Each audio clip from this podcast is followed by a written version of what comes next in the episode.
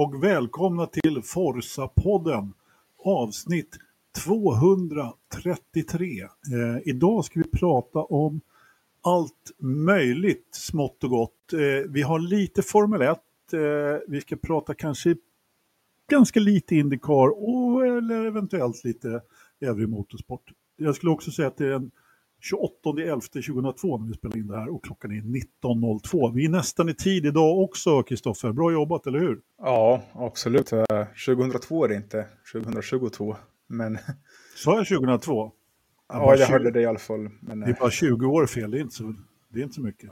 Ja, nej men jag, jag är lite förkyld fortfarande inne på tredje veckan. Så om jag får en, en plötslig hostattack så vet ni varför. Jag håller inte på att dö, jag har varit så här i tre veckor nu. Ja, du får helt enkelt ta friska på dig lite grann. Eh, ja.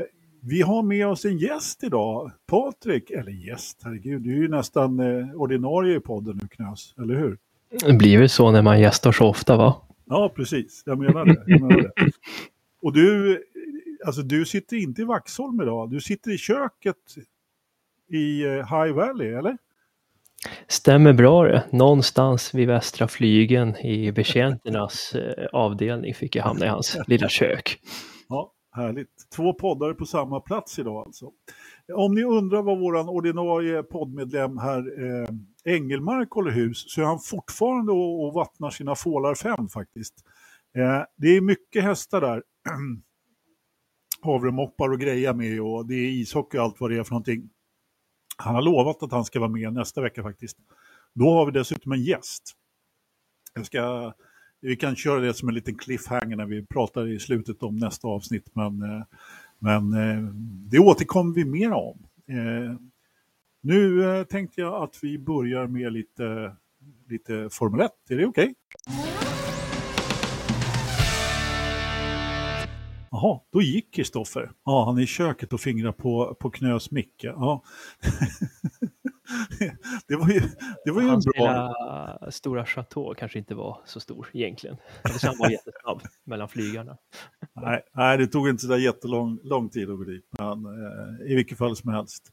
Eh, nu kommer jag av mig helt och hållet här, men eh, vi tänkte i alla fall, det, huvud, huvudnumret idag det är helt enkelt att vi hade en tippning eh, i inledningen på so säsongen när vi bar er och skicka in era tips till oss och, och det ska vi redovisa lite senare idag. Men det har ju trots allt skvallrats lite grann om Formel 1 här i eh, veckan så vi tar väl det eh, till att börja med. Och den som är högst upp på löpsedlarna är ju naturligtvis eh, Binotto, Ferraris stallchef som har varit i rejält egentligen i, i blåsväder får man väl säga. Har, har du hört något nytt där Kristoffer eller?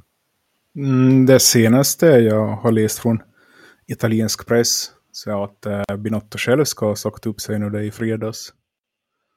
Vet inte hur mycket det stämmer, men eh, det verkar ju helt klart finnas lite underlag för det här. Sen så spyr de italienska medierna på också. De föreslår att Ross Brown kommer komma tillbaka, men det var väl mer att ge eh, det italienska fansen lite flashbacks till de goda tiderna. Men eh, ja, helt klart är, de, eh, är det som att det där förtroendet hos eh, John Elkan och den nya CEOn hos Ferrari eh, Vigna så alltså förtroendet är förbrukat hos Binotto helt klart och det kan hända att han går tillbaka till sin gamla roll istället. Så kan det ju vara, definitivt. Han har ju varit i Ferrari i evigheter. Eh, Patrik, har du någon, eh, någon, någon fundering kring, kring Ferrari, Ferrari och Binottos vara och inte vara? Nej, det får väl... Sagan får väl fortsätta utvisa hur det blir egentligen, men har Binotto egentligen gjort så dåligt jobb egentligen? Ja, alltså, hans strategiteam har inte varit den briljantaste, men om man tittar tillbaka till vilket team han ändå fick ta över där med sin lilla motorskandal och hela det köret så tycker jag ändå han har ändå fått Ferrari till en hyfsat bra plats. Eh, men ja, han har väl inte riktigt haft den ledarskapsrollen ändå. Han kanske gör sig bäst bakom en kontor och får skruva lite motorer egentligen. Eller tänker jag fel i det? Ja, men det är lite så jag är inne på den tanken också, att han kanske inte är den här som ska stå på barrikaderna högst upp. Eh, han är ju rätt tillbakadragen eh, så här om man, om man tittar utifrån. Så känns han tillba lite tillbakadragen och sådär ganska laid, inte laid back, men, men, men lite tyst sådär. Och inte den som står och skriker högst. Inte, inte för att jag vet om det är det Ferrari behöver, men han, han är liksom ingen profilerad figur på det sättet, Kristoffer. Ja, och där är det väl också det här rykten om att eh, Fred Vasseur skulle vara aktuellt. Det är väl att han, han är ganska god vän med dels Leclerc, men också han är god vän med de som, som äger en stor del av Ferrari-koncernen, då Stellantis. Jag minns inte exakt eh, äh, ägarmarginalen där. Äh, Ferrari är för övrigt börsnoterat också, men äh, alternativet jag också har hört är att äh, den här CEOn Vigna skulle gå in som en tillfällig teamboss tills de hittar en passlig. Ja, det låter ju, känns ju inte heller bra alltså. Då hade de väl kunnat börja leta redan tidigare. Alltså den här eh, börsnoterade, eh, börsnoterade delen av Ferrari, den är ytterst liten faktiskt. Jag tror att de börsnoterar, om jag kommer ihåg rätt nu, jag ska inte ta gift, men det var 5% eller något sånt där utav eh, aktierna där som, som familjen Ferrari satte på börsen faktiskt. Det, det ursprungliga ägarfamiljen, inte den del av gamla gamla eh, Agnelli-familjens eh, eh, ägarandel utan, utan det, är Ferrari-familjen, om det var son, son eller vad, vad det nu var för någonting. Hur det än, än är med det så får vi väl se vad, vad som händer med Benotto tidigare. Jag har ju sagt tidigare att jag inte tror att Vasör är någon jättebra lösning, men ja, vem vet när han får liksom för, pengarna, pengafickorna fulla och göra vad han vill. Han kanske blommar ut då, man vet aldrig. Ja. Har, vad säger Knös?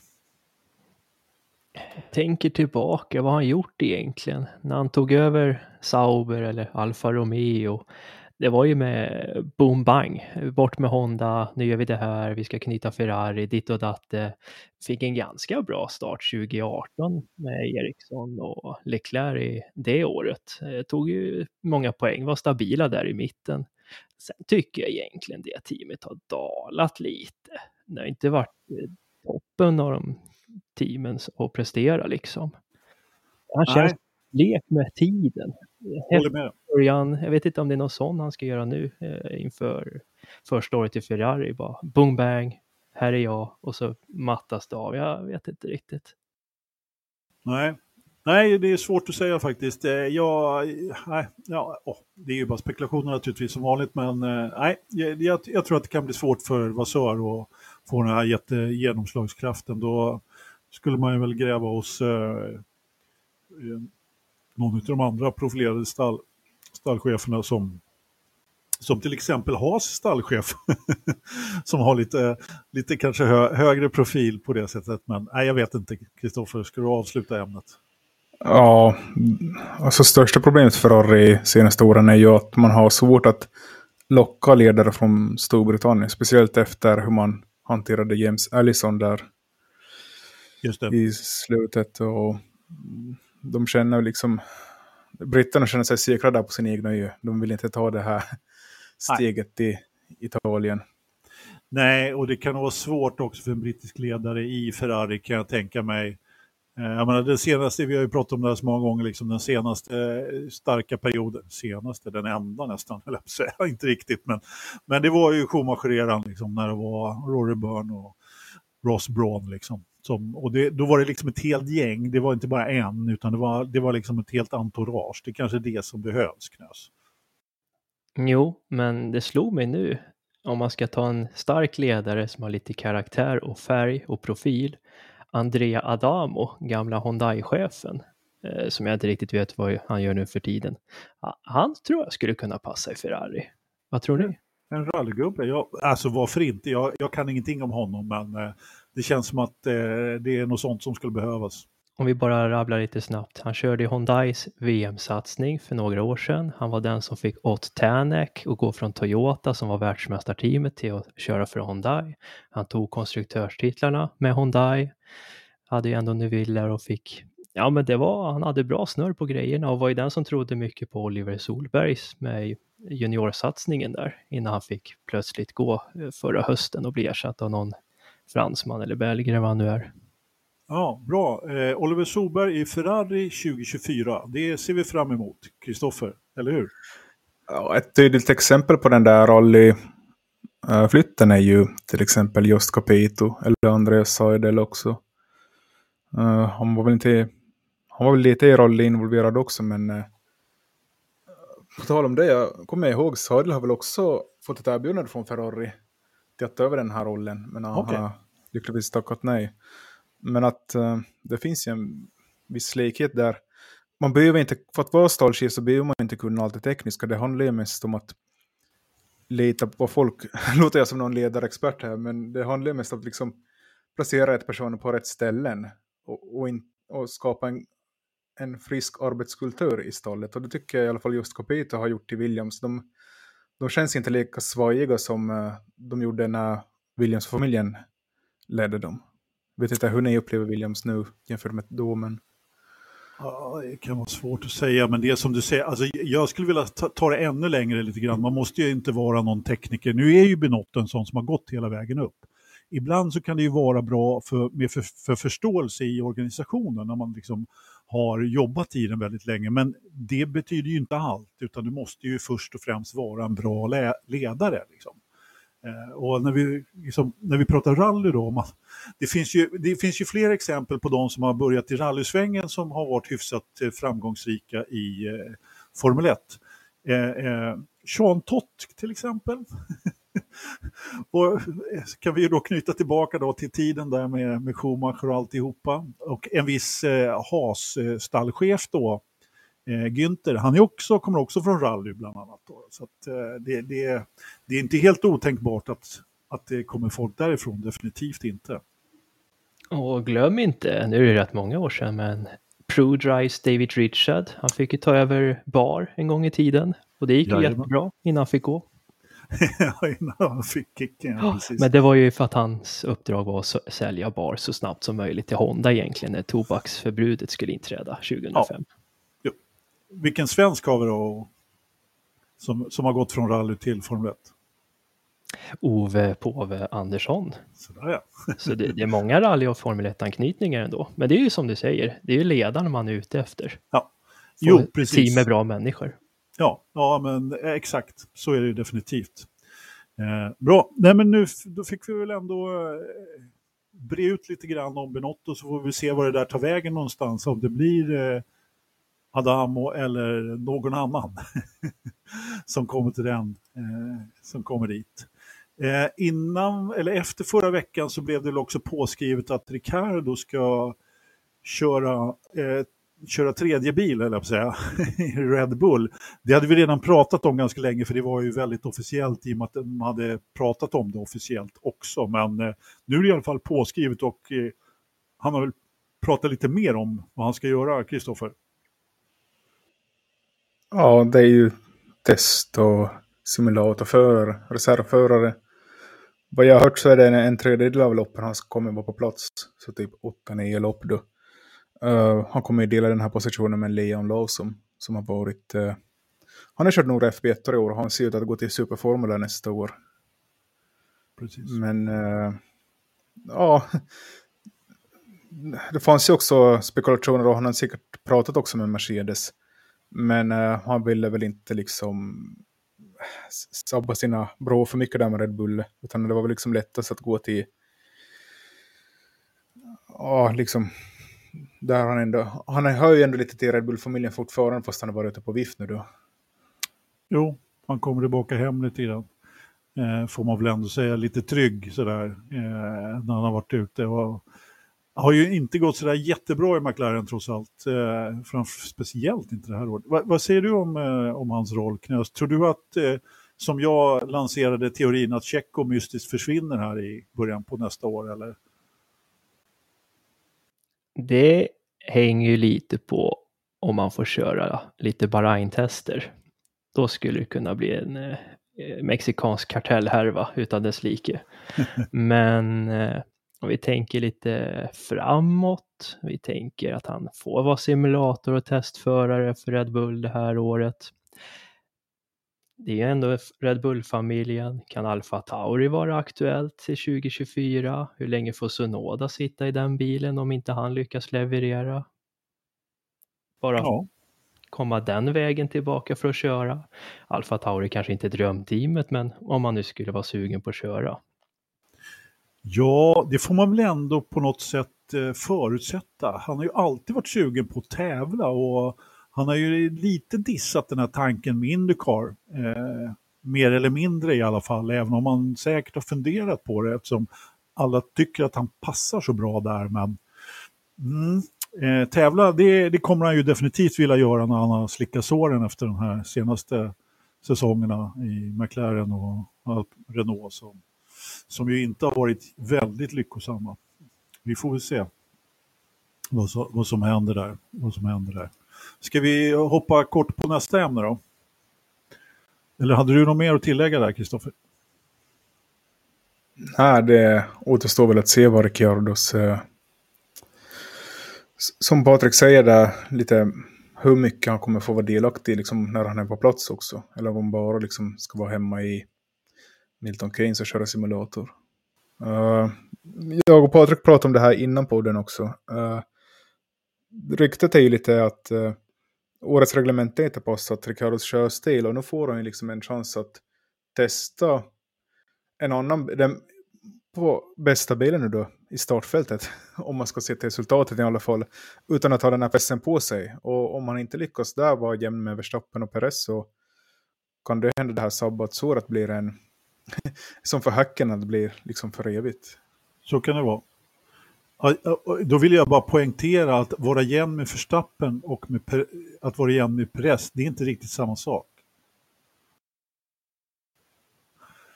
Ja, i alla fall, om man är förbi Perez i alla fall, då är han väl, då hör han väl Ja. hemma i Formel 1 fortfarande. Jo, helt klart. Helt klart.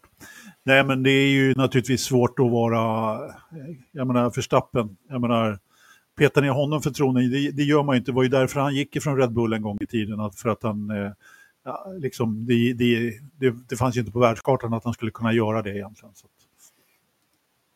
Men den som lever får se, som vi brukar säga. Sheila Ann Rao. Sh- Shaila, Shaila Ann Rao. Hur uttalar man det, Kristoffer? Ja, ungefär sådär. Ja, bra.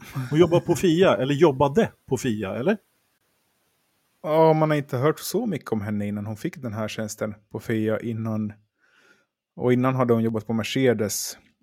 Men hon har ju knappt jobbat ett, eh, några år här. Men eh, bland annat Matteo Bonotto sa ju att det var ett problem med att hon gick till, till FIA då från Mercedes. Att det kunde bli liksom ett intressekonflikter där. Men eh, Ja, det är väl mest att hon har haft hand om den här Red Bulls kostkapp-härvan. Det är väl det som man också varit väldigt insyltad i. Och det känns ju märkligt att... Och det är ju många som tror nu att man spekulerar i att, eh, att det var hon som läckte ut till Mercedes då om att Red Bull hade gått över kostkappet. Och det är därför hon får gå nu då.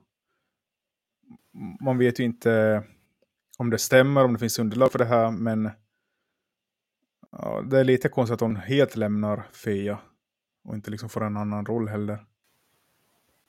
För hon skulle Mm. liksom bli en, eh, en chief of staff för Ben Solayem. Ja, det känns lite märkligt. Helt klart det är ju en gravad hund där. Liksom. Eh, det känns ju jäkligt, eh, vad ska jag säga, märkligt om hon skulle ha läckt det här med Red Bull. Det måste ju, ja, det känns ju som eh, rent rookie-misstag i så fall. Det verkar ju märkligt, det måste ligga någonting mer bakom där känner jag. Men, Hon kanske har en ny Mercedes på uppfarten. kanske det. Väldigt fin, eller väldigt många Mercedes i så fall. Tröttna på att dricka Red Bull. Antagligen. antagligen. Ja, men det är ju lite det här att, att få någon till, till Fia ja, som kan jobba med F1-stallen utan att jobba för ett F1-stall tidigare. Det är ganska svårt tror jag. Det är inte så... Om du inte Nej. har erfarenhet av hur ett F1-stall fungerar, hur ska du liksom kunna sköta den administrativa rollen mot dem i så fall? Ja, men det, det är en väldigt bra poäng där, Kristoffer. Nästan alla de som jobbar i FIA idag med, på de här höga posterna har ju någon form av bakgrund i, som, i Formel 1. Jag menar, nu var det några som hade varit borta lite grann ibland då, men det var ju ganska högljudda röster mot eh, Jean Tott som vi har nämnt tidigare. Då, och, och ja, Ross Braun inte lika mycket egentligen, eh, även om han kommer från samma ställe kan man väl säga då, även om han inte kommer därifrån nu. Han har ju varit på Garden Leave några år och sådär och kommer tillbaka då, men eh, på något sätt så sa ju Ross Braun då när han tillträdde att eh, om det är någon som ska se till, som vet hur man gör för att runda Fia så det är jag. Liksom. Och det är nog förmodligen så att det, är, det, är då, det är de personerna som man vill ha där på något sätt. Eh, men, men, vi får se eh, vad det här slutar. Eller ja, det slutar med eh, kicken för Shaila Ann Rowe i alla fall. Så, så gjorde det. Hon kanske dyker upp i något annat stall, vi får väl se. Eh, ska vi gå på dagens huvudämne då? Eh, och tippningen. Som jag sa tidigare då så var det här en, eh, en enkät som vi skickade ut och som vi bad våra eh, lyssnare och tittare eh, fylla i och det här la vi ut på våra sociala medier, i vår Facebookgrupp, på vår Facebook-sida och lite sånt. Och vi fick väl in några svar.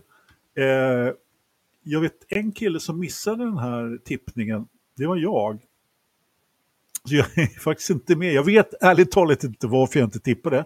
Men eh, förmodligen så hade jag något annat för mig. Men eh, ja, Eh, hur som haver så fick vi ändå in 27 stycken fullständiga tippare. Som, eh, för det var ju ändå ett ganska digert eh, Excel-Google-formulär eh, som, som man skulle fylla i.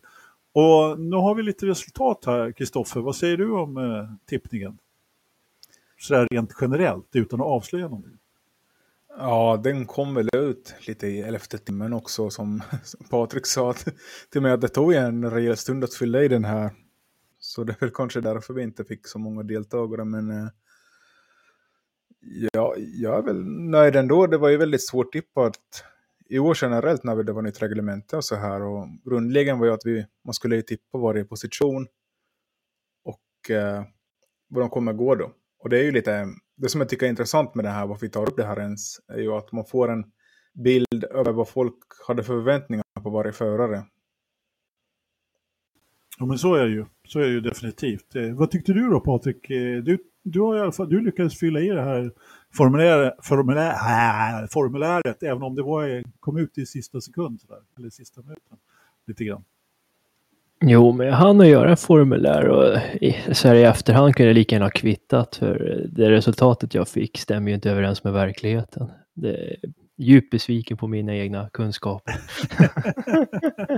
Tyvärr. Nej, men det är ju alltid kul att se vad man trodde. Eh, om vi tar hur jag tippar. Jag trodde ju väldigt mycket på Ferrari för det såg ju bra ut inför förhandstesterna att det var gjorde det ju ganska inledningsvis också verkligen. Alltså eh, med bara tre lopp gångna så såg, ju, såg ni ut att få rätt. Alla ni som hade tippat Ferrari i topp och eh, Dessutom hade väl både du och Kristoffer eh, där uppe tippat Carlos Sainz som eh, världsmästare va?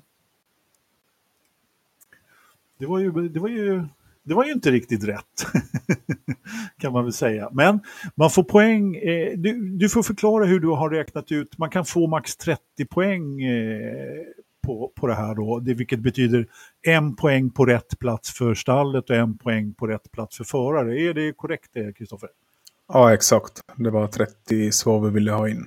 Och det, det är endast en som kom upp i en tredjedel av poängen, så det är väldigt, väldigt taskig poängkörd för alla. Så ni ska inte ja. känna er dåliga. Jo då, nu ska, vi, nu ska vi håna de som kom sist här till att börja med. Eh, till att börja med så, så måste jag säga det, att jag tycker det är kul att, för jag ser väldigt många lite gamla kompisar här som har varit med i Forza-tiden sedan väldigt länge. Eh, bland annat så Eh, John Eveli här som, som jag vet eh, brukar lyssna, han eh, var väl den som Jaha, nu var det någon som ändrade sortering i dokumentet. Det får man inte göra precis när jag läser det och har pekaren på den som jag ska prata om. Sluta med det, Kristoffer. John Evele, han fick 2 av 30 rätt. Eh, eh, och Tobias Wettermark fick också 2 av 10 rätt. Det, det, var, det var sådär program poängskörd. Men det betyder ju också att det finns väldigt mycket uppsida till att tippa nästa år. Så att man kan liksom göra det bättre. Eh, eller hur? Ja, vi får väl ta ett eh, krafthandtag på det här tippningen inför nästa år och förhoppningsvis få mera lyssnare med oss också, kanske lägga ut den i god tid. ja, men precis. precis. Ja, men det, alltså, det, det är bland det svåraste som finns sånt här att tippa. Jag, jag är extremt kass på det själv, måste jag ändå säga. Och, och alltså, Thomas, eh, eh, eh, Thomas där nere i, från Svedala, jag, jag, ser att du har tippat Mercedes längst fram. Eh, jag hade inte förväntat mig någonting annat för dig, men tre av tio ändå när man är så, så gammal och kunnig som du är. Alltså, nej, nej, nej, nej Thomas, Bet, bättre vill vi se. In, inte bra alls, det är bara att komma igen. Eh, Thomas som åker minimok till vardags. Eller kanske inte till vardags, till söndags. Det, det ska men, man också göra. Men hur ska vi anfalla den här tippnings... Jag håller på att anfalla den från botten, för fullt. Jaha, men, du har, men du attackerat tipparna. Jag tänkte vi mest skulle gå igenom det ska vi också göra. Jag vill, jag vill, bara försöka håna de som är, som är i botten här först. Nej, det vill jag inte. Jag tycker att det är väldigt roligt bara att det är några som jag känner igen här som har, som har tippat lite grann. Så alldeles strax, Kristoffer, kommer vi till resultatet också. Ta det lugnt bara. Ta det lugnt. Eh, jag tänkte till exempel att vi skulle, vi, vi, kan ju börja här när vi har två stycken som har tippat 4 av 30. Eh, som eh, heter Engelmark och Knös till exempel. Eh, som, fick, som fick det resultatet. Det är, ändå, det är ju ändå, ni är ändå på mittfältet Patrik. Här. Ja, jag ser det. När jag läser igenom listan också så jag ser att jag har varit väldigt optimistisk på McLaren för de har jag tippat på två olika ställen. Ja. Så de hade jag väldigt stora förhoppningar på inför säsongen. ja, ja, men eh, så är det ju definitivt. Men eh, man, kan ju, man kan ju lugnt säga, att det var det är ju de stora stallen på konstruktörs-VMs första plats, det är inte så konstigt. De tre första, eh, det är väl egentligen eh, någon där som har, som har eh, placerat alpin som trea. Det, det var ju rätt bra jobbat måste jag ändå säga. Och Ferrari som fyra. Mick där som jag inte vet hela namnet på har, har eh, placerat. Vad säger du om, om en sån chansning där, Kristoffer? Ja, det, det är väl inte helt oväntat ändå. De hade ju ändå chansen på något sätt att komma trea, men de levde väl inte upp till sin fulla potential. Jag tycker väl alpin var ett stall som, eh, som ändå utvecklades rätt mycket under året, men eh, tillförlitligheten var ju ändå ett stort, uh, vad ska man kalla det, ett stort hinder för stora poäng. Sen sett över hela säsongen tror jag väl ändå inte de skulle kunna komma upp på förbi Mercedes. Men det, det fanns liksom mer poäng att hämta ändå än vad de fick i år, helt klart. Ja, och sen måste man ju ändå säga det att eh, alltså McLaren som väldigt många också har tippat på fjärde plats. Eh, alltså jag är klart förvånad över att de, eh, att de inte hade en, en eh, större eh, fight med McLaren egentligen där. Alltså visst, det levde ganska länge, men att, att de ändå klarade det där alpin. Jag, jag är klart förvånad över det faktiskt. Det, det måste jag ändå säga. Eh, vill, vill, du, eh, har du några fler sådana där eh, spaningar, Kristoffer, som du, som du ser i listan där? Ja, det var ju ändå, om vi ska börja beta av stollen då, så det är väl främst, det var ändå närmare 40 procent som hade röstat eh, Ferrari och konstruktörs-VM Mm. tycker jag är lite spännande. Att det fanns ju ett stort förtroende för Ferrari redan där.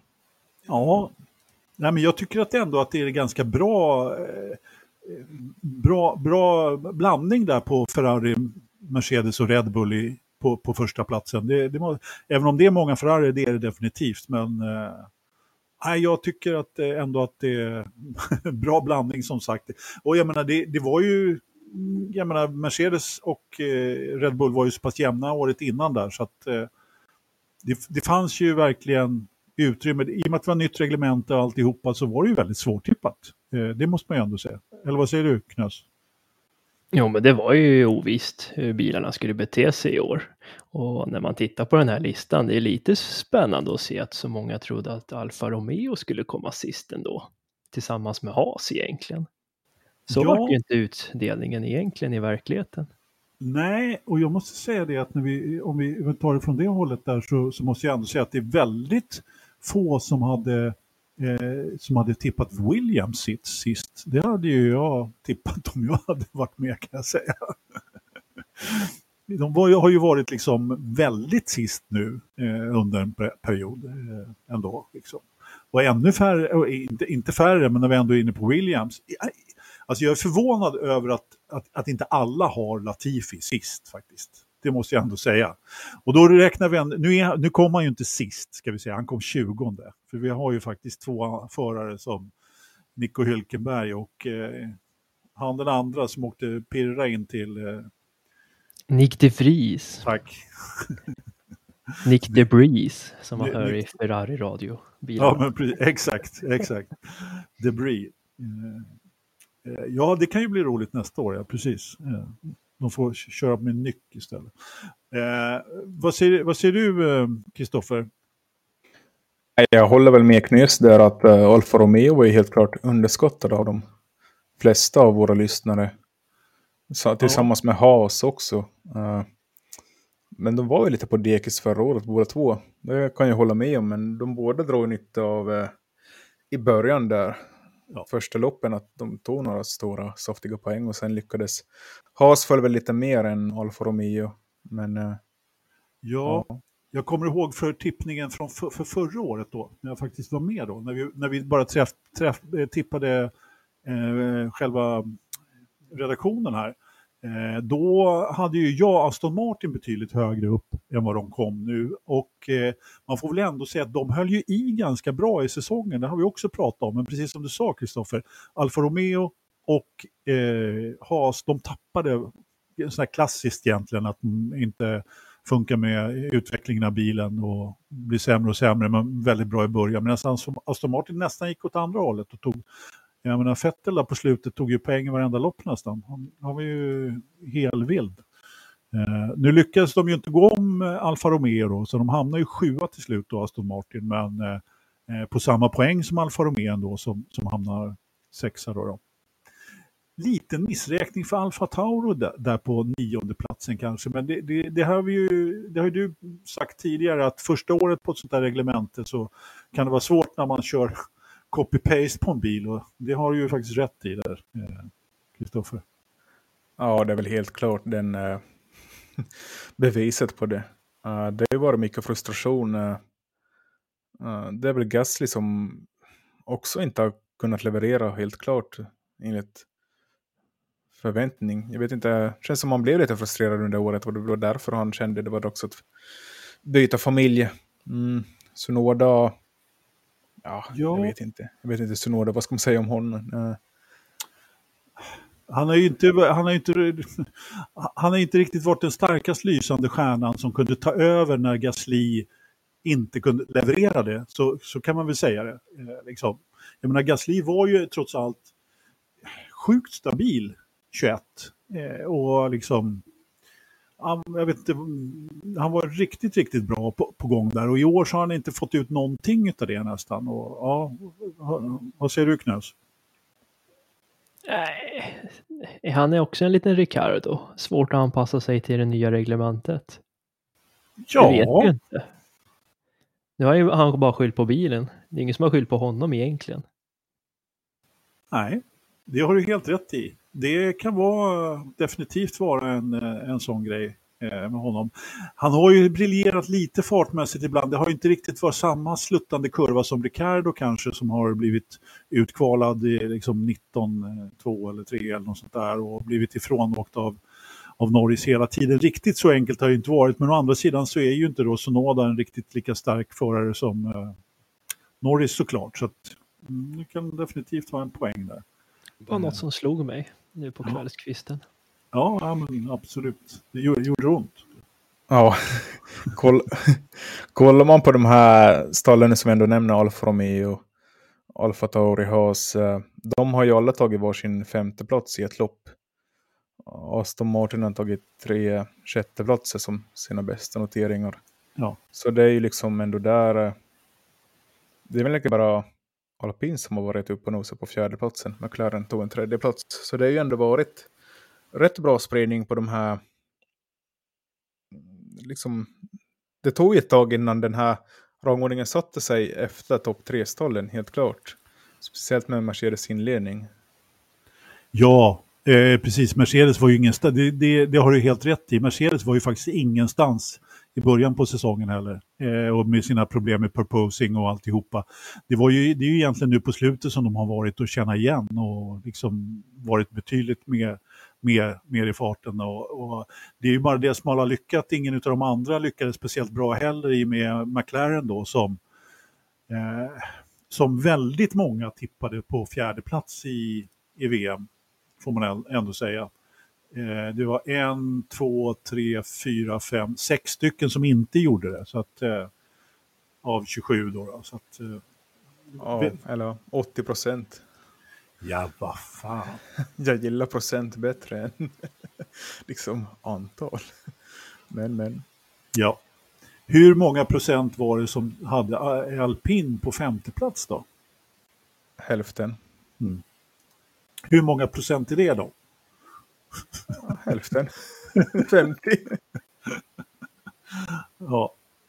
Nej men, eh, vad har vi mer att säga innan vi går in på förarna då? Eh, alltså, de, de, de, här mittenstallen, är, det blev ju tätt där också. Jag menar, det är ju svårt att tippa eh, Alfa Romeo och Aston Martin där på, eh, på sjätte, sjunde plats och Haas med för den delen, även om de kanske är ett steg, steg längre ner. Eh, Alfa Tauro hade jag åtminstone trott lite högre upp som sagt. Då, men, ja. Och men, ja, men jag menar det är ju, alltså Alfa Romeo, Aston Martin, Haas och Alfa Tauri är ju på något sätt ett segment. Eh, eh, med, med Williams släpande ganska långt efter får man ändå säga då. Ja, men det, som du sa där, många plockade i poäng av varandra och det var det som gjorde att Mercedes kunde komma ikapp på slutet när man fick fart på, på grejerna. Att skulle vi haft, eh, vad ska jag säga nu, Alfa Romeo som tog en dubbelpoäng första loppet, det var, de tog bara en dubbelpoäng till över säsongen sen efteråt. Om de skulle kunnat hålla uppe de här dubbelpoängarna säsongen ut så skulle de helt klart haft en mycket bättre position. Det är ju det är sådana grejer som också spelar in. Men eh, ja. Visst är det så. Visst är det så. Eh, och jag menar, apropå dubbelpoäng så var det ju också Mercedes, precis som du, det är ju inte så att de är, o, de, de är, de är, de är hyfsat ohotade trea faktiskt i VM, får man ju ändå säga, på 515 poäng med alpin som på 173 där bakom. Så att eh, det, det men det, det såg ju faktiskt inte ut så inledningsvis. Eh, det gjorde det inte. Helt, helt klart inte. Men Nej, man lyckades ju hålla sig på något sätt flytande när, när det gick dåligt för ändra Ferrari eller Red Bull. Det var ju, Ja, de lyckades ju ta de här viktiga placeringarna när de fanns på bordet. Förutom Ja. i, på Imola då, där Lando tog tredjeplatsen. Det är ju den enda avstickaren. Ja, hur han nu lyckades med det. Jag har nästan glömt bort det där loppet. Men eh, han, eh, han är ju där. Han, är en sån här förare som kanske inte syns jättemycket men som ändå är där och plockar när det faller smulor från bordet om man säger. Liksom. Hela tiden är han där egentligen. Eh, får, man ändå, får, man, får man ändå säga. Om vi går in på förarna då. Det är ju egentligen ännu svårare att, att tippa då. då. Hur många procent hade rätt på, på eh, VM-vinnaren då, Kristoffer? Ja, närmare 40 procent. Mm.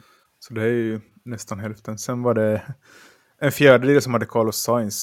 Eh, bara 7 procent som hade Charles Leclerc faktiskt. Och en 23 procent på Hamilton. Så det var ja, lite oväntat att Leclerc hade så lite förtroende bland våra lyssnare. Ja, men får jag ändå tänka på att eh, Carlos slog honom, i v slog ju honom i VM förra året och såg sjukt stabil ut. Eh, han har haft ganska stora problem att anpassa sig ändå i Ferrari, stora problem att anpassa, men han har inte riktigt sett sådär jättebra ut ändå. Även fast han är eh, ja, odiskutabelt jäkligt snabb så har han ju ändå liksom gjort sina misstag där medan Carlos Sainz såg eh, riktigt stabilt ut. Vad säger du Patrik? Det är ju som ni säger, han är ju the smooth operator.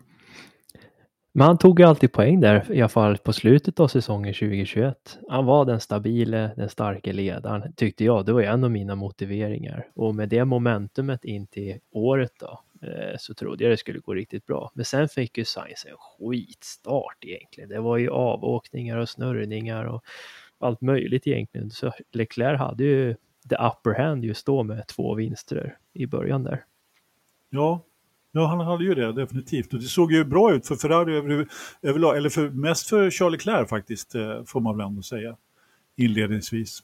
Sen vet jag inte riktigt vad Leclerc gjorde. Eh, om man läser resultatet, det verkar inte som att man haft något förtroende för honom och som du säger, Anders, lite misstag här och där. Och det gjorde han ju verkligen under Frankrikes ja. GP i år, när han ligger i ledning och kraschar ut liksom.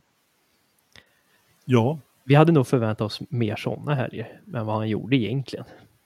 Ja, han eh, körde om Red Bull tre, fyra gånger i Österrike. Eh, och det är klart, får man den typen av strategier som man måste köra om ledarna hela tiden. nej, men, eh, nej, jag hade nog, eh, jag hade, jag hade gärna sett både Ferrari som världsmästare och eh, Charles Leclerc som världsmästare, men den gubben gick inte riktigt i år faktiskt. Eh, det, var, det var egentligen odiskutabelt första platsen där. Det VM. Andra platsen var ju fighten, den gick ju lite längre då och det är ju egentligen, jag vet inte. Eh, jag, jag personligen tycker att det är lite småskandal att inte Perez tar den där andra platsen faktiskt.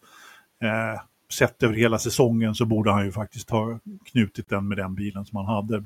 Det var ju några grejer som han inte riktigt mäktade med i år. Då, men att, att eh, Ferrari lyckades knipa andra platsen i VM, det, det säger väl inte jättemycket, men de är väl glada för den lilla vinsten de får där.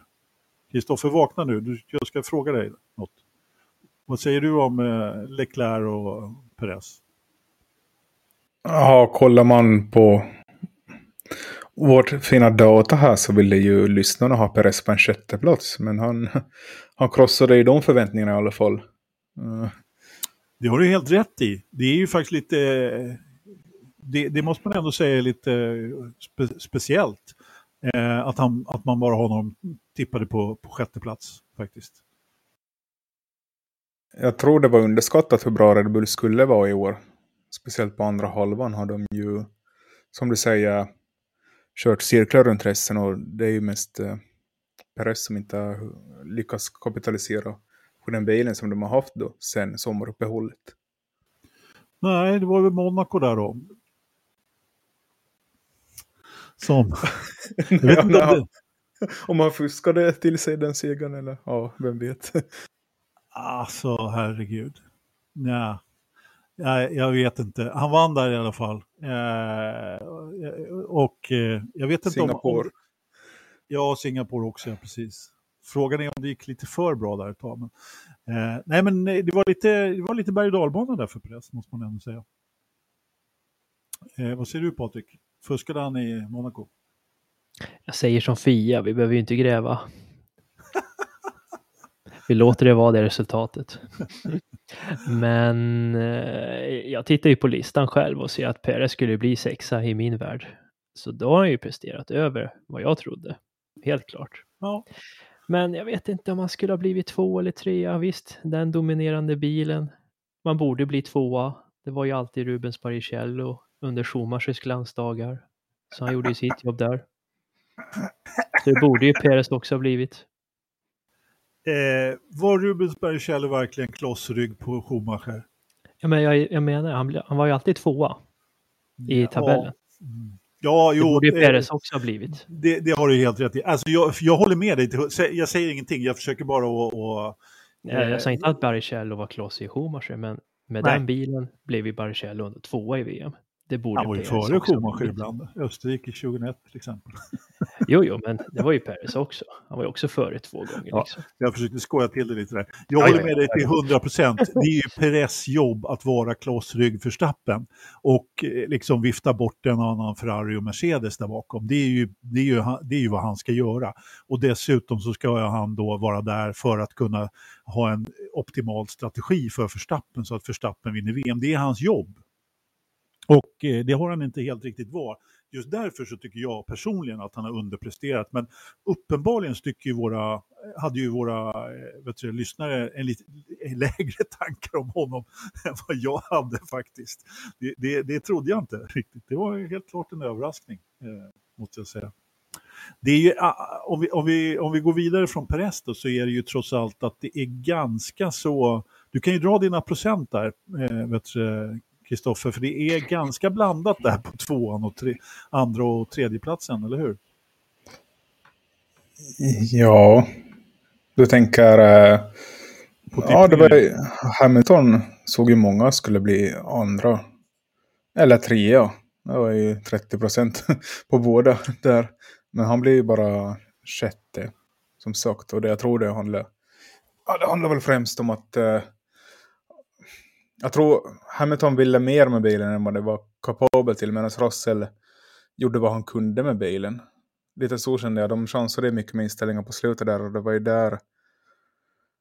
I, i början av säsongen menar jag. Och det var ju där Russell plockade fler poäng än Hamilton. Vad säger du Patrik? Nej, men instämmer med föregående talaren. Egentligen finns det så mycket annat att säga. Ja, lite kan man säga. Nej, men eh, jag håller med också. Eh, alltså, eh, Hamilton, alltså, alltså om, man, om man tittar ur rent tippningsperspektiv så är det ju i stort sett eh, tjänstefel att inte tippa Lewis tvåa. Efter hur, med tanke på hur det såg ut förra året.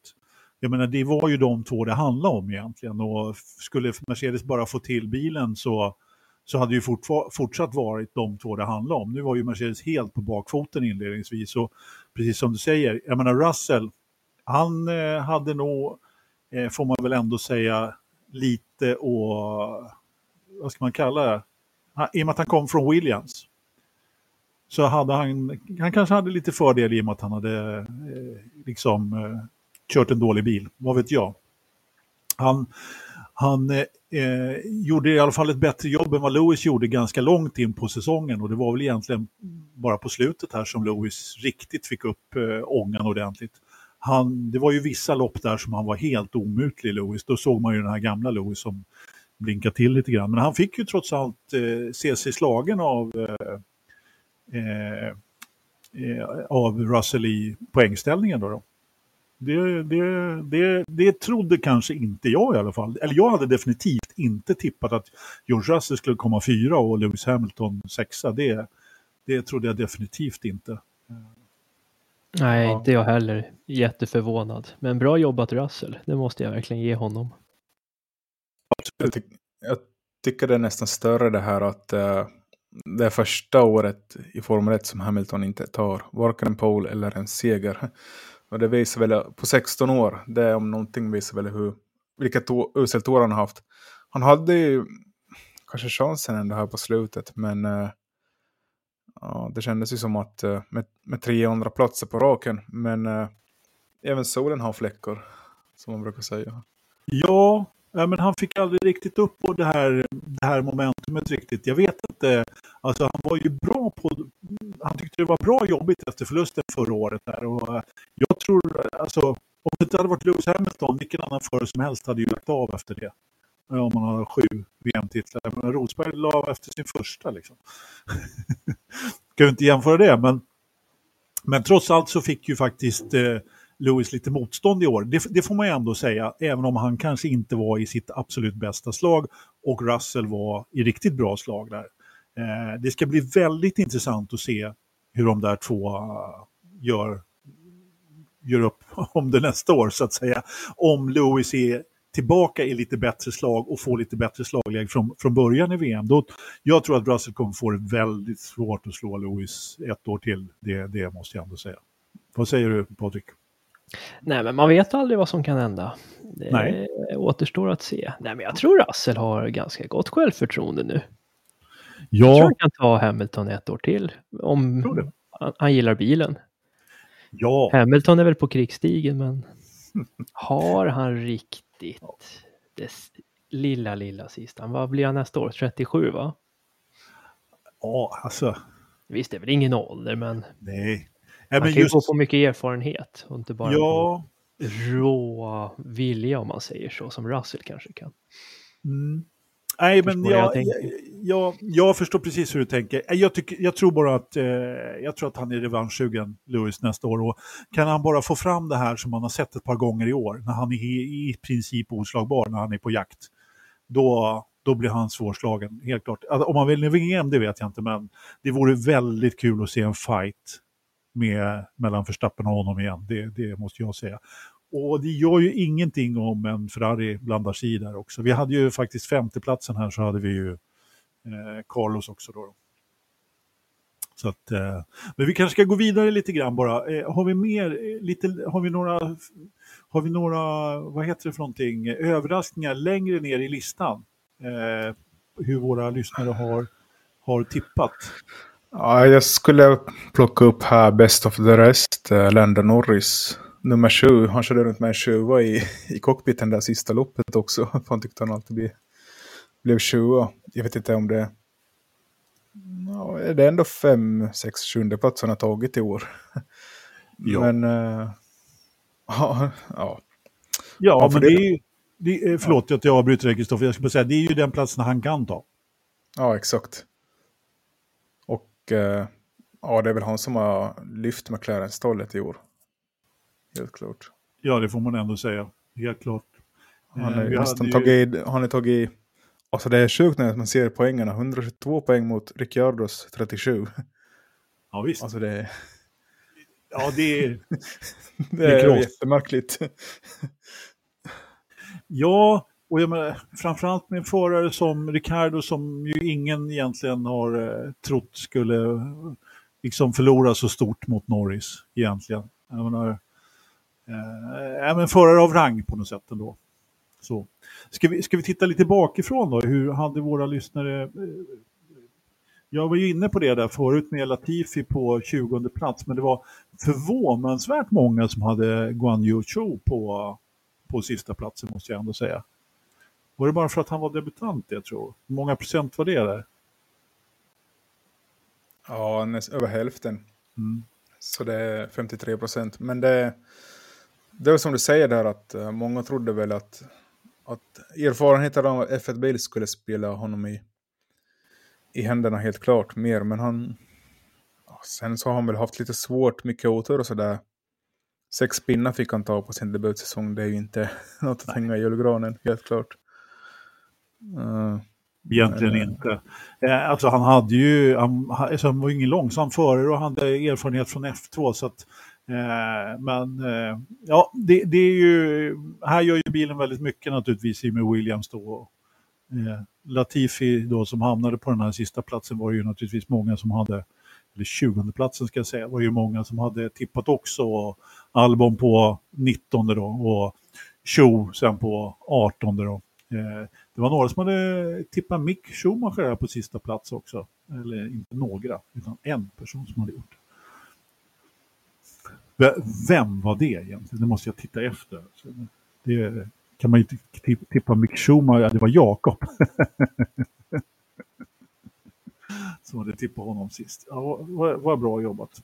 Eh, Ja, där har vi en likadan cross just när vi pratar om så och Bottas. Bottas står 49 poäng då i jämförelse. Ja. Så jag tror väl, utan att ha kollat med varenda stall så är väl de två stallen med störst gap mellan två förare. Får man väl ändå säga eh, ganska, ganska eh, vad heter det, väntat ändå. Eh, inte väntat kanske, men, men eh, Bottas med den erfarenheter han har, han ska ju naturligtvis slå show, så är det ju. Mm. Jo. Sen har vi också... Ja, det är nog de största gapen jag ser så här. När jag kollar snabbt över utan att räkna poängen i inspelning. Men eh, ja, ja. Ja. ja, men det är bra jobbat. Eh, Bra jobbat. Olle, du fick 5 av 30 poäng. Det var ju det var, det var, det var bra tippat annars där, eh, måste jag ändå säga. Och eh, nu ska vi se om jag hade någon annan som jag ville berätta vad den har eh, tippat. Jag tror inte det, men du får väl berätta hur många, hur många rätt du fick, Kristoffer, i den här tävlingen. ja, på något sätt har jag lyckats uh, tippa bäst här med 10 poäng av 30. Uh, vi tänkte ju... Mm. Vi tänkte skicka ut ett... Ja, förlåt. Vi tänkte skicka ut ett pris här till vinnare, men det, blir... det kommer liksom svänga i dörren känner jag. Så det blir lite ja. svårt. Ja, men det blir det. Eh, vad skulle jag säga? Alltså det är du som har gjort tippningen, det är du som har rättat den. Alltså... Jag ser dragen här, hur det här barkar åt. Men du var onormalt hård mot stackars Landstroll. Tvärsist i din lilla lista. Ja, svår att placera honom helt klart. ja, jag ska inte säga så mycket, jag hade också kunnat placera honom definitivt sist. Eh, bilen var ju trots allt eh, lite bättre. Han tog 18 mot Sebastian Vettels 37 då. Eh, och det var ju rätt mycket det var ju ändå rätt mycket som hände Aston Martin där. Jag, vet inte, jag kan inte hämta något, men det som sitter på näthinnan är ju Fettels avslutning när han egentligen tar poäng i varenda lopp och är helt sanslöst bra faktiskt. Och sen får en skitstrategi då på, på sista eh, loppet så han inte får ta någon poäng där. Det, det tycker jag var tråkigt. Vad säger du om eh, Fettels avslutning? Är du någon Fettel-fan Knös? Ja, jo men det får jag väl ändå säga när han kom in där i BMW Sauber där i början och gick över till Toro Rosso och körde Red Bull. Jo, jag var nog lite Vettel-förälskad där i början. I början? Eh, ja, sen tycker jag när han gick till Aston Martin och började bli lite, jag vet inte, klimataktivist. Det är inte mitt starkaste, varmaste ämne. När han säger att Florida är under ytan om 50 år och vi ska rädda klimatet och så kör man Formel 1 och ja, kan jag tycka är lite dubbelmoraligt. Men ja, ja, det är bara en personlig åsikt. Men jag har inget emot Vettel. Det, är lite, det var lite jobbigt att ändå se sista loppet med honom. Det är ändå en era som försvinner nu. Man har ju själv blivit gammal. Så kan man också se på saken. Ja. Ja, jag gillar, jag gillar Fette skarpt. Eh, gjorde det däremot inte kanske i början på hans karriär. Men det är många som har, har, har fått en liten omvänd åsikt om honom. Jag gillar framförallt honom för att han är den han är. Liksom. Han, han gör precis vad som faller honom in på, på något sätt. Sen, och det får man ändå ge honom. Ja. Öppen, ärlig, står för sin sak. Det är precis. 100% enig. Det är bra ja. grej. Jajamensan. Eh, så är det. Jag vet inte, ska vi lämna tippningen lite grann? Kristoffer, har du något mer från eh, vårt digra Excel-fält här som du vill prata om? Nej, man kan ju gräva ner sig ännu mer i det här, men det känns som det blir en väldigt lång podd i så fall. Ja, men, vi har redan äh... pratat en timme, så det är lika bra. Jag, tror, jag kände inte att det hade gått så långt. Men, ja. ja, men jag tycker, jag kan ju skicka ut till de som har deltagit. Tack för att ni deltog uh, hela listan så de själv får förkovra sig i den här ja. datan de har bidragit till. Det kan ju vara kul att sådana här lektörer när det inte händer så mycket annat på nyhetsfronten. Det låter bra det. Det låter väldigt bra det. Så, så får ni se hur det har gått här i, eh, i, eh, i tippningen. Så, så går vi vidare helt enkelt i programmet. Och nu, har jag helt, nu måste jag klicka mig till våran eh, planering här så jag kommer ihåg vad vi ska prata om. Vi ska egentligen, vi ska egentligen inte prata om så mycket, eh, för vi har ingen undersökning och du har inget skop antar jag. Nej, det, det kördes ju faktiskt några tester förra veckan, men det är ju liksom fallit ja. mellan stolarna. Det enda uppseendeväckande där var ju att eh, Fernando Alonso körde med en, en bil utan reklam på tyckte Aha. jag var lite kul. Det händer ju inte så ofta. Det var en helgrön Aston Martin. Ja. Det är ingen som vill bli förknippad med honom alltså? Nej, det är väl för att han står under kontrakt fortfarande med alpin. Antagligen. Så, så han fick så. inte liksom mixas in med Aston Martins sponsorer då helt enkelt. Ja, precis, precis. Bra, då hoppar vi till nästa ämne.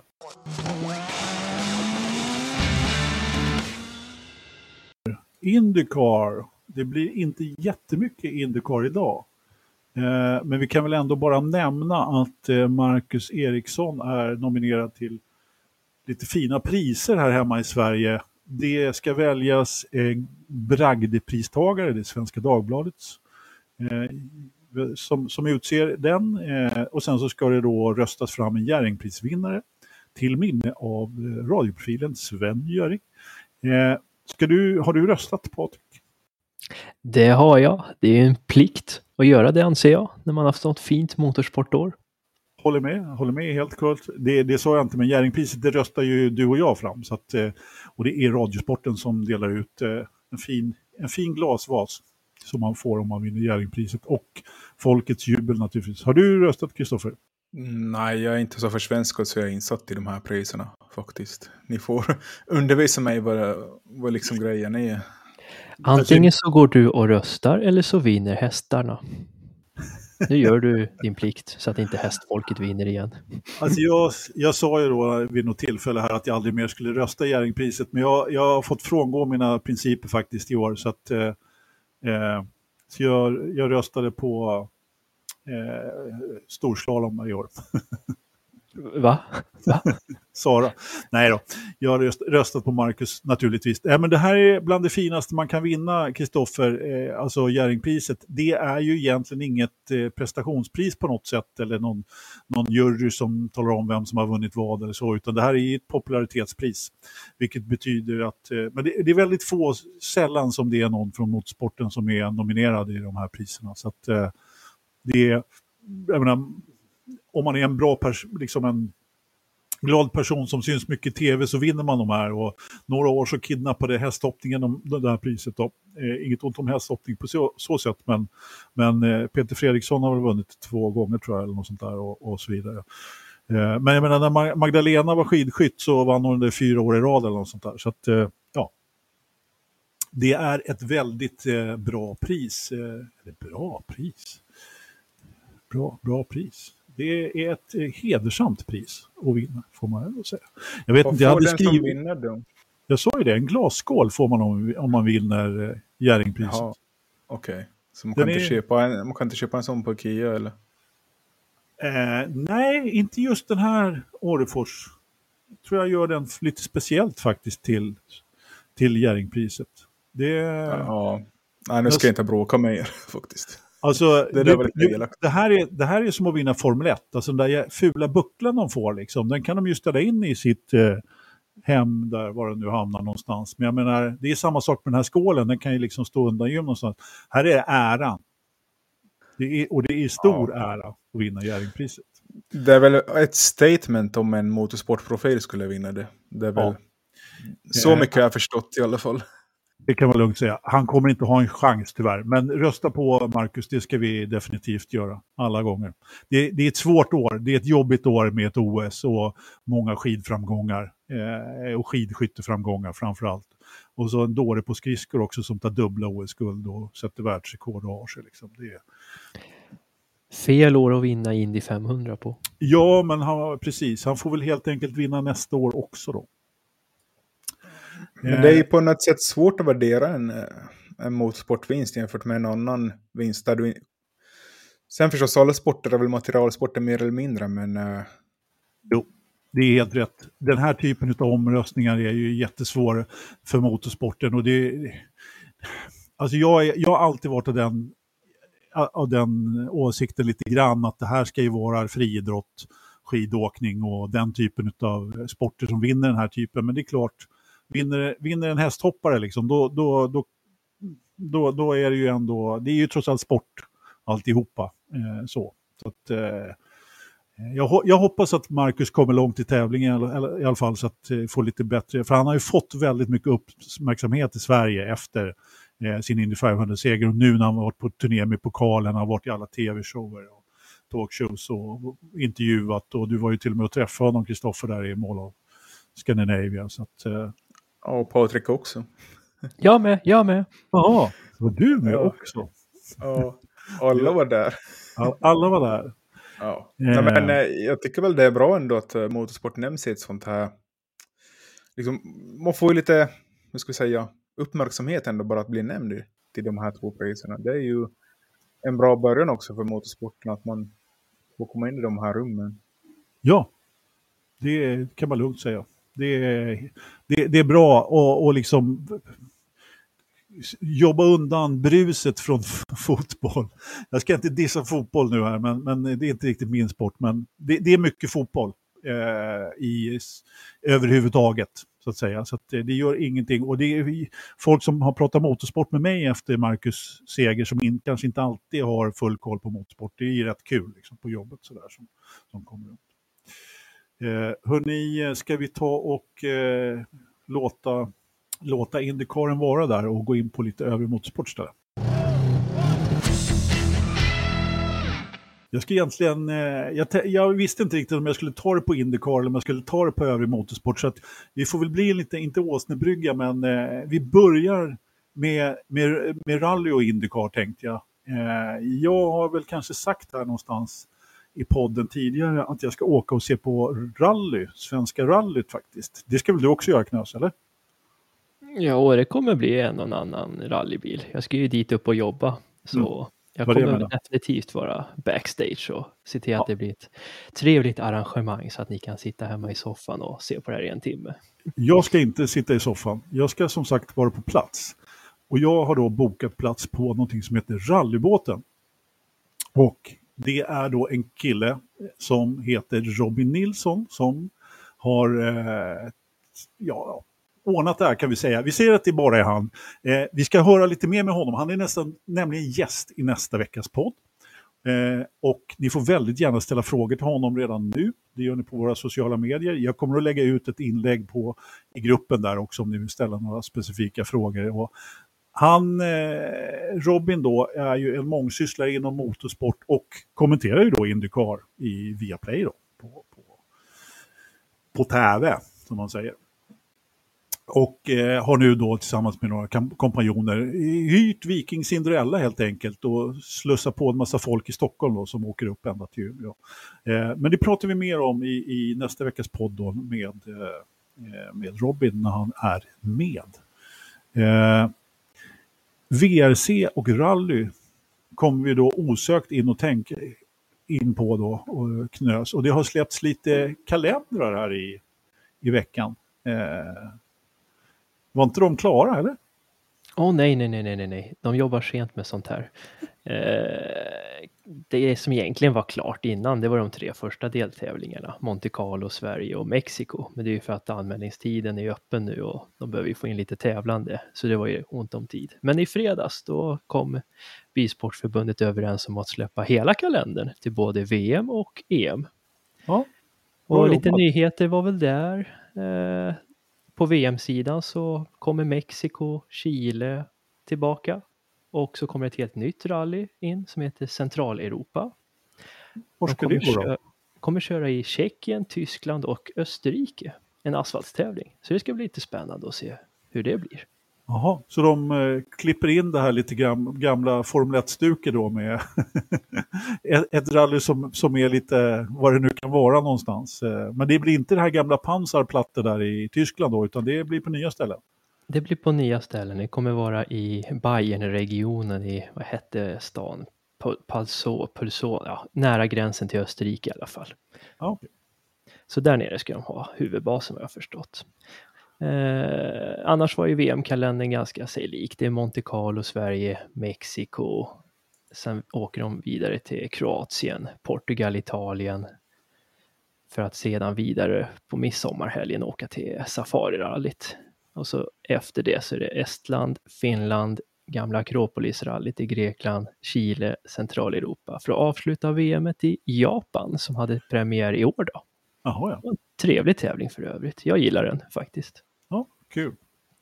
Och den roligaste nyheten tyckte jag, om vi går över till EM-kalendern.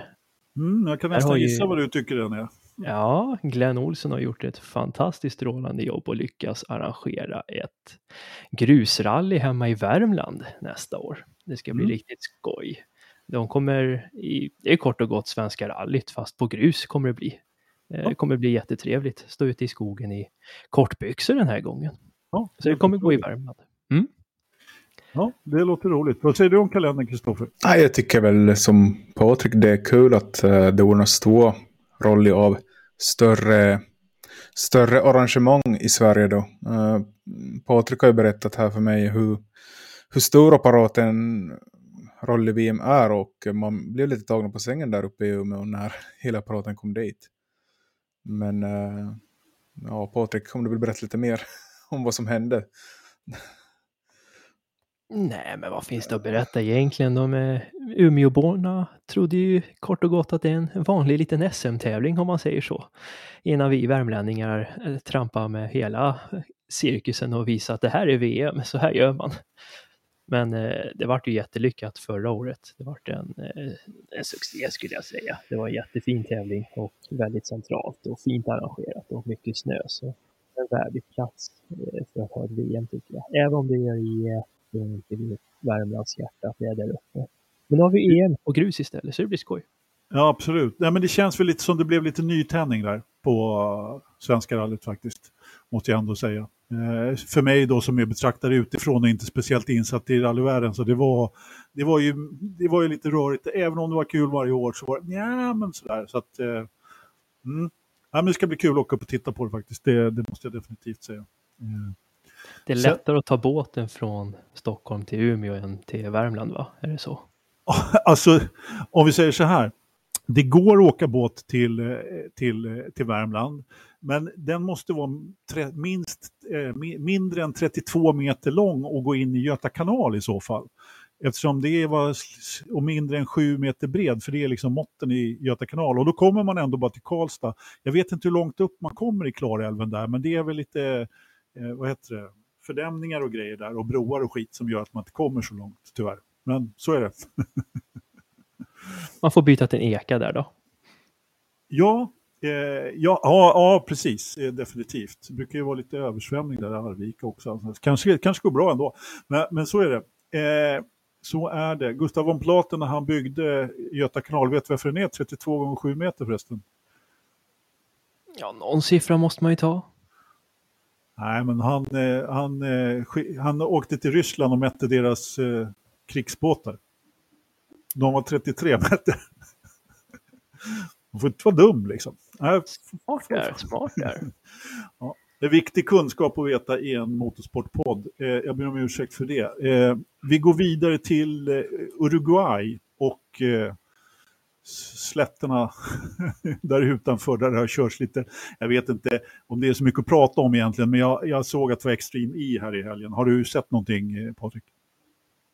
Jag lyckas väl se på en liten highlights igår och eh, vad jag förstod så vann Nasser Al-Attaliya tillsammans med Klara Andersson. Så det vart ju en svensk seger igår. Det är lite skoj. Ja, de var väldigt glada där eh, ett tag.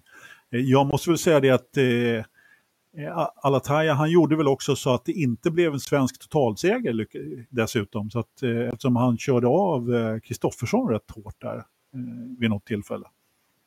Ja, om det var under kvalrace två eller något de stötte ihop med varandra så att eh, Team Rosberg med Kristoffersson och vad heter ja. hon, Kotelinski hade sönder framupphängningen tror jag det var. Ja, ja nej, men det var, det var i alla fall eh, Rosberg med Löb och eh, som tog hem eh, totalsegern där. De behövde komma på pallen eftersom Kristoffersson och... Eh, Rosberg och Hamilton, vad sa du? Rosberg, team, vad heter det, RXR som vann förra året med Kristoffersson. Ja, självklart. Mm, du tänker ja. så. Korrekt. Ja. De hade ju chansen att ta hem det där då, men blev diskade och för ett... Eh, de gjorde någonting i bytet där då. då. Så att eh, Löb och hans eh, co-driver, som jag nu bara därför tappade namnet på, hon heter, hon heter Guterres tog hem eh, totalsegern då med, med Mikaela och Johan på, på andra platsen eh, för, för, totalen. Och, eh, ja. Vi får väl se. Jag vet inte, det har inte riktigt slagit an hos mig där, även om jag när vi har sett mig och tittat på det så tycker jag ändå att det blir ett kul lopp sådär. Men, eh, har, har, du sett något Kristoffer av helgens begivenheter? Nej, jag måste erkänna, jag inte uh, sett så mycket på det här Extreme E-worken någon av säsongerna. Jag vet inte, det känns som Dakar är på något sätt med den här ultimata klossen för sån här körning. Uh, Extreme E, de har lite mer såna här influenser av Formel E, lite mer gamification, just att det är två bilar som kör bredvid varandra och sådana grejer. Uh, ja. som, det blir, jag vet inte, det känns lite... det blir lite som, vad, vad kallar ni det, varmansroller på steroider. Sådana här, ja, jag vet inte vad det heter i Sverige ens. Men sådana här jockisroller heter det i Finland i alla fall. Okay. Man kör runt med sån här 5000 kronors bil. Och det är lite sån racing, men... Fem med miljon, ja, ja. Med, med, med miljonbyggen istället. Men körningen är ju på samma nivå fortfarande. Oh. Men eh, jag är inte förvånad när jag ser att Lööf vinner. Han är ju... Han är egentligen otroligt hur bra han kan vara oavsett vad han kör. Att han kan liksom prestera ja. så bra trots sin ålder. Ja, verkligen. Det är ju en annan eh, legend med där också, Carlos Sainz, eh, som, som kom trea då. Så att, eh, de, de, kan fortfarande gå. Alltså jag gillar ju upplägget väldigt, väldigt mycket med en kvinnlig och en manlig förare. Flera riktigt, riktigt gamla, jag menar Jutta Kleinsmith och klassisk Dakar-förare en av de första kvinnorna att vinna, vinna Dakar där. Snabb som få, så körde tillsammans med Mattias Ekström till, till exempel. Jag menar, det, de, de, eh, de var väl värda ett lite bättre öde då, eh, kan man tycka. Och Mattias då som multitalangen. Nu ska ju han köra Dakar här, jag kom att tänka på det när du... Eh, och det här var ju en slags förberedelse för Dakar där de körde lite grann. Så att, eh, det ska bli riktigt kul att se vad han kan göra i Dakar faktiskt. Med, med den här Audin då som gick sönder lite mycket förra året. Eh, I och med att den var lite tung i gumpen där med batteriet, eh, tror jag. De hade underdimensionerat fjädringen, så vi får väl se. Eh, när Dakar drar igång här framåt. Eh, det, det, traditionellt ska det ju starta på nyårsdagen, då, men nu för tiden så startar de lite, lite när de vill. Sådär. Jag kollade det den sista december i år, det kommer börja. Ja, nyårsafton till och med. Ja. Vi får mm. se. Det är ju... Äh, rally överlag, speciellt sådana här utdragna rollen brukar vara svårt att liksom... Äh, jag tycker intresset faller lite. Det är väl Extrem E har försökt komprimera sådana här mer till en helg nu då. Men, äh, ja. Mm. Alltså, ja, jag gillar ju Dakar just för att det är ett uthållighetsrally. Det är ju så. Det är lite som jämföra liksom ett vanligt VRC-rally. Det är ju som att, det är ju lite som natt och dag där. jag menar, jämföra Rally Kenya nu med Safari-rallyt förut. Liksom. Det var ju jättelånga sträckor, specialare och mer ett uthållighetsrally på den tiden. Liksom. Så, så att, eh, där har ju Dakar tagit över lite mer. Men jag tror det Extreme E skulle bli en mer Dakar-aktig grej, men det visade sig inte att det blev så. Det är mer folkrace, så är det. Helt klart. Helt klart. Äh, men jag gillar konceptet, jag hoppas att de filar lite på det. Eh, lite mer överskådligt eh, skulle jag gärna gilla. Eh, så får vi se till, till nästa år. Så hoppas vi på det. Eh, då ska vi ha nästa ämne va?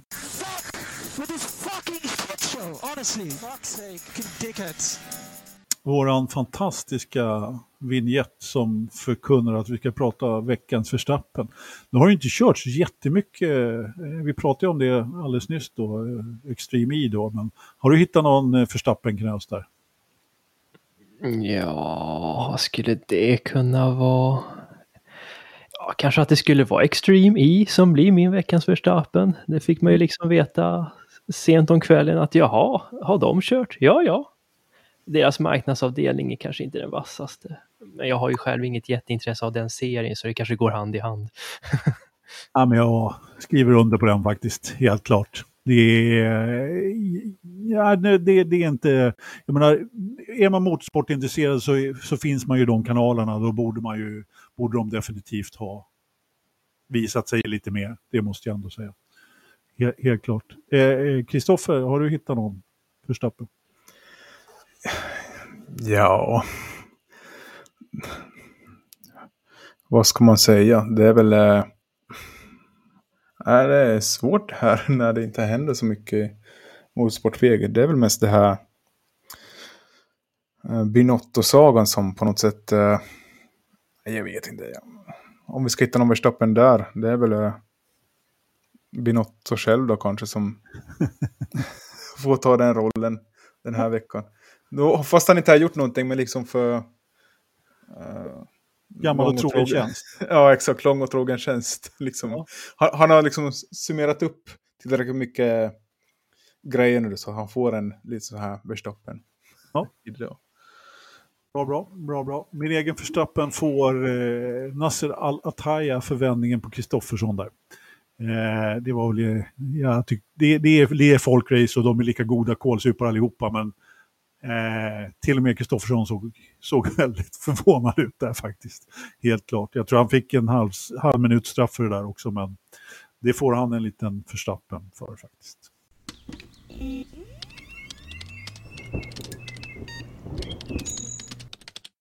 Väder ska vi ha då faktiskt, som vanligt, eller på att säga. Det är lätt snöfall i Grövelsjön. Det är minus 2,1, dagpunkten är minus 2,6. Det är relativt fuktighet ute, 96 procent naturligtvis. Och nu är det snö ska ni lova. Nu har det kommit nu har det kommit snö i Grövelsjön. Det har kommit 20 centimeter faktiskt. Det får man ändå säga är rätt okej. Okay. Det, är, det är ingenting mot de 60 som vi hade i Toulange här i, i början på veckan, men 20 är ändå 20 centimeter. Ja, kom ja. ni till jobbet? Det var ju bedrövligt.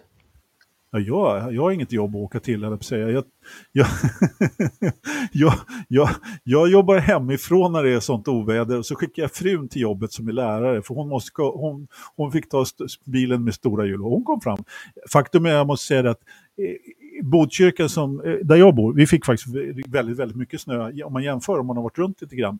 Skottningen har funkat utmärkt. Eh, har skottat jättebra i, i grannkommunen har varit helt hopplöst. Där har de inte skottat en väg. Så, att, så jag kom. Hur var det i Vaxholm? Gick det att ta sig till jobbet? Ja, men Vaxholm funkar bra ändå tycker jag. Jag skulle säga att det gick bra varannan kommun innan jag kom ja. till där jag jobbar i, på Lilla Essingen. Då. Det var ju bedrövligt av de bedrövligaste. Ja just såna här, den typen av eh, ställen.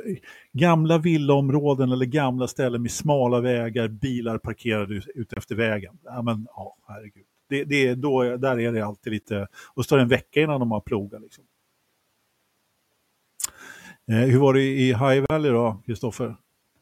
Ja, jag hade ju problem med att sitta i styrelsen för den här BRFen där jag bor. Och vi fick ju problem med att uh, ja, du vet, det kom en sån här normal ursäkt. Det var brist på personal och maskinerna gick sönder. Så vår garage hade ju liksom, du vet, de hade ju plogat av vägarna med snön, men de hade liksom blockerat garageutfarten istället. Så slå, våra boende slapp inte ut med sina bilar på flera dagar.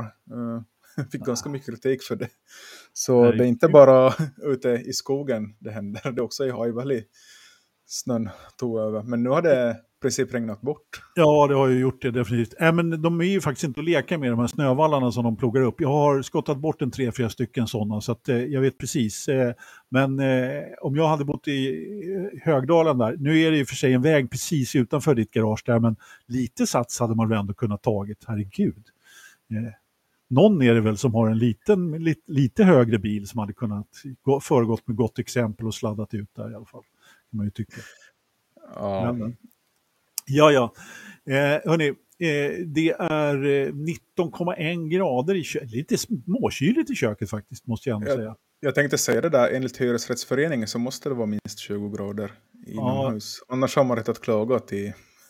Jag tror att Pastis får helt enkelt klaga till Pastis då, för det är ju bara 19. Han kanske öppnar fönstret, vädrar lite. Vad är det i datorförrådet, eh, Kristoffer?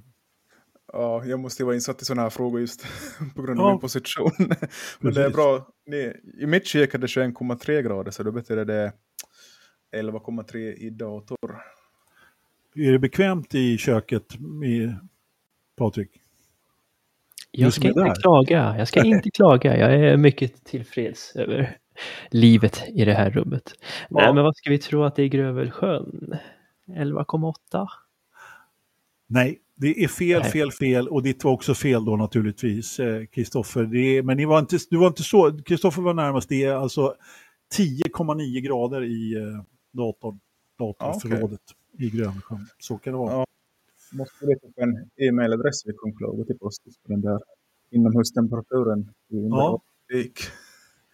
Inte bra alls, inte bra alls. Eh, hörni, då ska vi puffa egentligen med eh, Eh, puffa för vårt nästa avsnitt igen då. då. Eh, eh, Jakob har som sagt lovat att, att vara med, bara det eh, gör ju att man måste lyssna lite extra och titta. Eh, och jag har lovat Robin att vi kör live då också. Eh, Robin Nilsson då, som har ordnat rallybåten och som kommenterar inte bara Indycar på Viaplay, han har kommenterat eh, på plats. Jag vet inte, du har säkert träffat honom vid något tillfälle Knös, har du det? Ja, flera gånger. Eh, det har jag. Jättetrevlig kille. Ja, Folk och det- race om Carrera Cup. Jättetrevlig kille att prata med. Ja, men precis. För det, det jag tänkte på han, var hans diversiering. Liksom. Han, jag menar, du tittar ju på allt ifrån såna konstigheter som dragracing och sånt där. Eh. Yeah! Som inte ens jag tittar på. Och jag, menar, han, jag tror att han har kommenterat i stort sett allt. Det får han berätta om själv nästa vecka. Men eh, väldigt, eh, väldigt brett motorsportigt. Så han kör lite själv också dessutom. Har någon bil sådär. Så det ska bli kul att prata lite med honom. Tänkte vi. Eh, hörni, nu har det ändå gått, ja vi är nästan uppe i en och en halv timme, även fast vi bara hade ett Excel-dokument med en massa tippningar på. Så att, eh, eh, det blev bra ändå. Eh, tack för att ni lyssnade och tittade. Tack Kristoffer. Tack Patrik. Ja, Så, jag kan ju säga här också, jag tänkte eventuellt ta lite julledigt här nu. Om bolagsstyrelsen godkänner det. Vi får Ja. se. ja, det går bra det. det. Det går alldeles utmärkt. Om du eh, eh, inte tänker vara med nästa vecka så måste vi nog utbilda en tekniker på direktsändningen, men det ska vi nog ordna. Men du är ju vår live-tekniker nu för Ja, tiden. ja, ja, jo, det, allt sånt där fixar jag, så det, men eh, eh, det, det, kanske, det kanske behövs något mer. Nej, men det ska nog ordna sig. Hörrni, eh, tack för att ni eh, lyssnar och tittar så hörs vi nästa vecka. Ha det så bra. Ja, tack.